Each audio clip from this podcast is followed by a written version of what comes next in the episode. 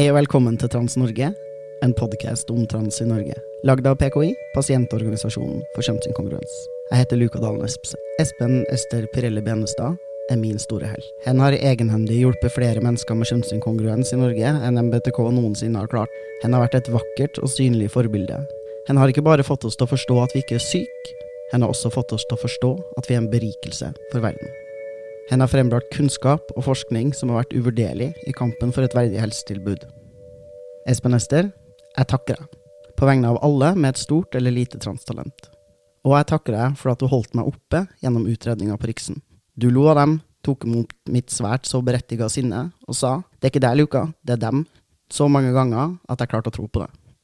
I dag vet jeg at det ikke er meg, det er dem. Jeg vet det av hele mitt hjerte, og den kunnskapen takker jeg for. Den styrken takker jeg for. Her får du, Espen Ester. Fredag 20.11. var transminnedagen. Da sendte vi våre tanker til alle dem som var blitt drept og mishandlet fordi de etterlevde de talent de var kommet til verden med. Vi mintes og tenkte på alle dem som har brukt store mengder energi i livene sine til å holde tilbake lengsler og ønsker og følelser som kulturen ikke har gitt plass til. Vi mintes alle dem som døde fordi at livene ble uutholdelige for dem. Vi hedret dem som har brukt livene sine til å kjempe for rettferdighet, ikke bare for transgruppen, men for alle marginaliserte mennesker. Vi skal fremme transpersoners, de som opplever kjønnsinkongruens, sin rett til kompetent og verdig behandling. Vi skal fremme stolthet over menneskelig variasjon, og vi skal glede oss over alle de forskjellige perspektivene dette mangfoldet kan gi oss i forhold til det å være menneske. Vi skal arbeide for at ethvert opplevd transtalent blir ønsket velkommen, både av den som har det, og av dem omkring, slik at det kan utvikle seg til en transbegavelse. Det skal vi. Hei, mitt navn er Espen Ester Pirelli Benstad, jeg er lege, professor i sexologi og en masse andre ting. Og faktisk er det sånn at første gang jeg sånn vitenskapelig publiserte på dette temaet, det var i 1986. Så jeg har vært der lenge. Jeg har publisert mye, og jeg har vært invitert til, til Ukraina, til Polen, til Hongkong, flere byer i Australia flere ganger, Mexico flere ganger, USA, Tyskland. Så det er helt tydelig at min måte å tenke på har vært verdifull for andre mennesker å ta imot.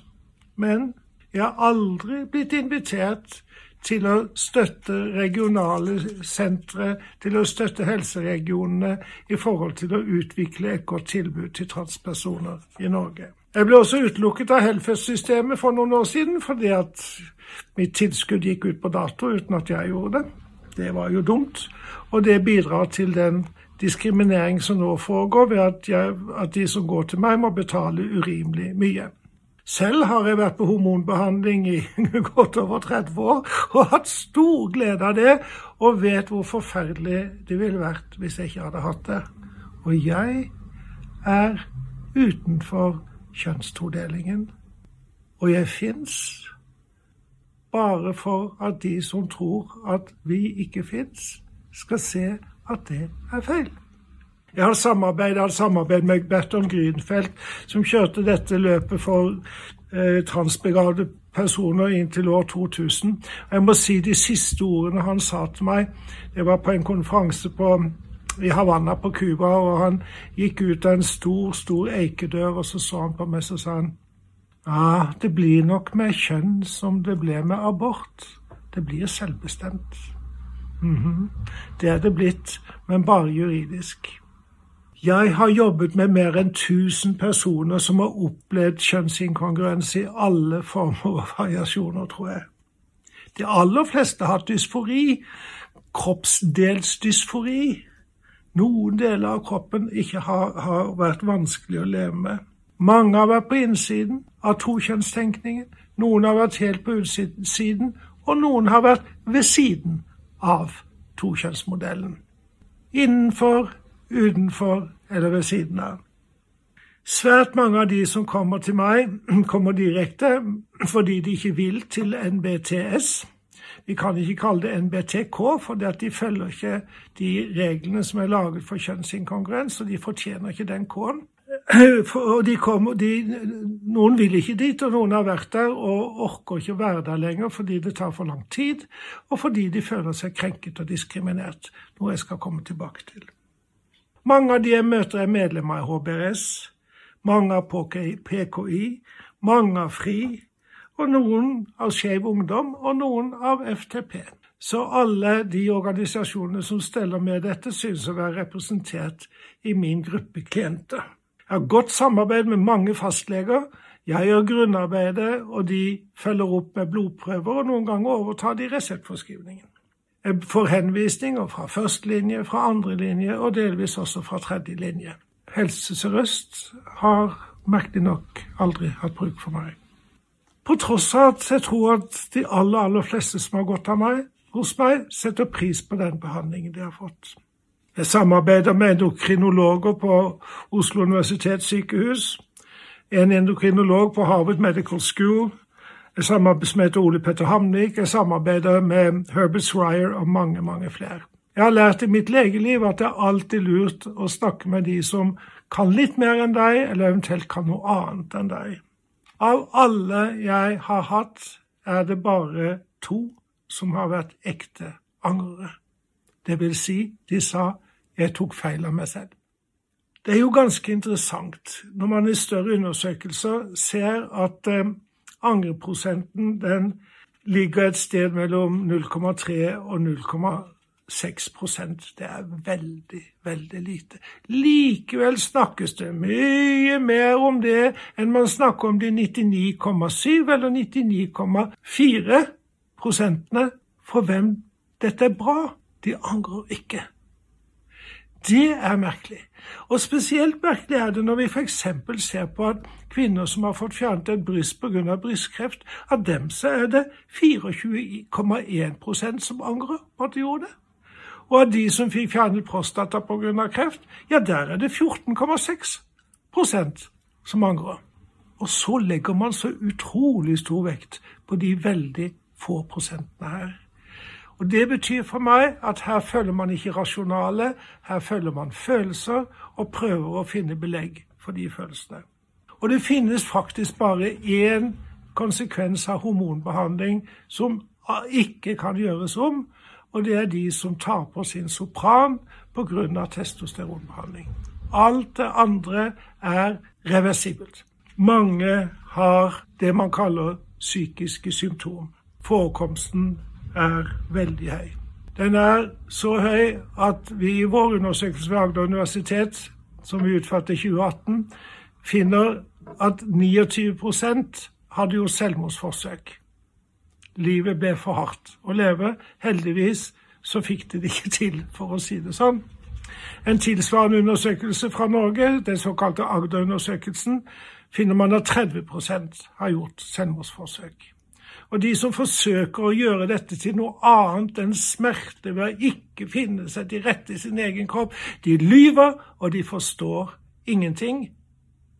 Dessuten selv om man ser på disse høye prosentene, så betyr det at 60-70% har ingen mentale symptom, og har selvfølgelig absolutt ingenting i psykiatrien å gjøre.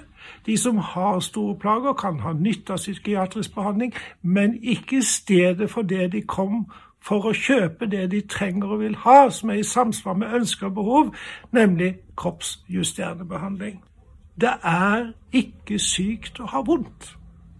Og man får vondt hvis man er i en situasjon der, der en utsettes for minoritetsstress, hvor en føler at en blir feil behandlet fordi at en tilhører en liten, marginalisert, tabuisert gruppe. Selvfølgelig får man plager av det. Det finnes noen der ute, og jeg skal sannelig ikke bruke mye tid på dem, som det er noen fundamentalistiske kristne, og så er det noen forunderlige feminister som syns at transkvinner av forskjellige slag er farlige. Og så er det noe som heter genid, og det vi iallfall vet om genid, det er at en god del av dem er foreldre som er høyst i utakt med sine barn. Det er blitt påvist. Hva er kjønnsdissonans? Hva er gender noise? Jo, hvis du forestiller deg at du er hjemme hos deg selv, det banker på døren, og der står politiet, og du blir arrestert. Og du kommer i retten etter å ha sittet noen dager i fengsel og blir anklaget for en veldig alvorlig forbrytelse. Du vet at dette har du ikke gjort, men det er det ingen andre som vil tro på. For de vet bedre enn deg, så sier de jo, du har gjort det. Nei, så du, jeg ikke gjort det. Jo, du har gjort det. Og så blir du satt i fengsel. Og der sitter du, og ditt hode vet at du er uskyldig, men ingen andre vet det. Er det ikke da rimelig at man i en sånn situasjon utvikler psykiske symptomer. At man får angst for at dette skal fortsette det uendelige. At man blir deprimert. Det skulle bare mangle. Veldig mye av det vi ser, er normale reaksjoner på høyst unormale situasjoner. Så alt i alt skal man si at konsekvensene av dissonans det er en følelse av å være annerledes, ikke passe inn, være feil, føle skyld og skam fordi at man er. Man kan gå inn i likegyldighet, ensomhet, sorg, interesseløshet. Man mister sitt engasjement. Man lykkes ikke på skole, man blir en underyter, som det heter. Isolerer seg kanskje, trekker seg tilbake. Det går utover familierelasjonene. Frustrasjon, sinne, holder seg unna kjæresteri, man vil ikke avsløres, angst og depresjon. Alt dette er ikke psykiatri, det er normale reaksjoner på unormale situasjoner som er smertefulle. Når man imøtekommer ønsker og behov, når man får kroppsjusterende behandling, så forsvinner svært mange av disse symptomene, som de også ville gjøre hvis du slapp ut av dette fengselet hvor du var uskyldig fengslet. Og skulle det bli noe igjen, så er det klart at man skal jobbe med det. Men ved å ta kjønn først blir svært mye av symptomatologien borte. Og det som blir igjen, kan nok behandles, men ikke i stedet for. I tillegg til. Det er nå engang slik at den vet best hvor skoen trykker som har den på. Og da må vi som behandlere, som medmennesker, lære oss å spørre hvor trykker din sko? Hva kan jeg gjøre for at det ikke skal gjøre så vondt? Så kjønnsdissonans, kjønnsulyd, kjønnsskurring kanskje, gender noise Det er å ha en hjerne som sier noe, og omgivelser som sier noe annet. Og når det skjer, så blir vi syke eller smertepregede. Og dessverre så er det slik at veldig mange av systemene i Norge bidrar til dette. Bidrar til minoritetstrøbbel. Gjennom først og fremst diskriminering, vil jeg si. Og hva er å diskriminere? Jo, en som heter Allport sa i 1954 at Diskriminering det er å nekte enkeltpersoner eller grupper den likebehandling de ønsker å ha. Slik at når vi spør om diskriminering, som vi også har gjort, så vil nok de fleste svare innenfor den definisjonen, uten nødvendigvis å ha fått den definisjonen. Vi spurte om det i KOM-undersøkelsen Kjønn, helse og medborgerskap, eh, som vi altså gjorde på Universitetet i Agder. Og da var det 64% som hadde følt seg diskriminert i helsevesenet. Det var det verste stedet å gå hvis man var kjønnsinkongruent. Og når vi tar ut tallene fra DPS og NBTS, så øker denne prosenten fra 64 til 69,2. Så det stedet i helsevesenet man har følt seg mest diskriminert, det er nettopp på Rikshospitalet så er det jo sånn at vi vet at kroppsjusterende behandling hjelper. Vi vet at det er det som skal til for at disse psykiske symptomene blir borte. Så vi spurte hvor fornøyd de var med behandlingen de hadde fått, de som svarte på våre spørsmål, og det var mange hundre. Vi fikk svar fra 536. Det de sier om behandlingen på NBTS, DPS, det er at den var dårlig eller veldig dårlig i 52 Så var den verken bra eller dårlig i 30% og så var den bra eller veldig bra i 18% Og skal jeg være litt tabloid, så må jeg jo si at har du en så dårlig butikk, så trenger du et monopol for at den butikken skal overleve. Vi spurte også hvordan behandlingen hadde vært med de som var utenfor DPS, NBTS. 10 sa den var dårlig. 23 sa den var verken bra eller dårlig. 67 sa det var bra eller veldig bra. Vi har altså en forskjell fra 18 til 67% på å være fornøyd med den behandlingen man har fått. Og dette gjelder en gruppe med stor selvmordsrisiko. At ingen i helsevesenet skjønner det og blir vettaskremte, det skjønner ikke jeg. Det eneste man synes å være vettaskremt for, det er at man skulle behandle én for mye. Og så har vi en angrepsprosent fra 0,3 til 0,6. På Rikshospitalet driver de noe med som heter gatekeeping, eller portvokting. Og det kan, når det da blir lagt i hendene på dårlig trente eh, helsearbeidere som blir flaue fordi at de synes at de som sitter foran dem, ikke oppfører seg eller ter seg eller kler seg sånn som de, altså behandlerne, synes de skal. Det er uprofesjonelt og tyder på veldig manglende kompetanse. Selvfølgelig kan gatekeeping bli lagt i hendene på godt trente helsearbeidere. Da blir det bedre. Men gatekeeping kommer aldri i hendene til de det dreier seg om. De vil aldri få opplevelsen av å styre sin egen virkelighet. Og gatekeeping, det vet de veldig, veldig mye om, mange av oss.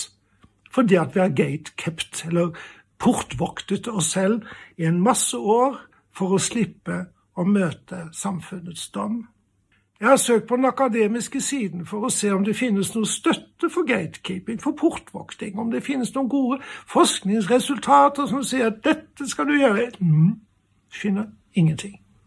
Absolutt ingenting. Men søker vi på positiv kjønnsbekreftende behandling, så finner vi masse. Masse positive resultater, og det gjelder også de som er såkalt ikke-binære, sånne som meg. La meg avslutte med å sitere, eller kanskje parafrasere Albert Kinsey. Alfred Kinsey. Noen av dere kjenner sikkert han, eller iallfall kjenner til han. Verden kan ikke deles etter sauer og geiter, og alle ting er ikke enten svart eller hvitt.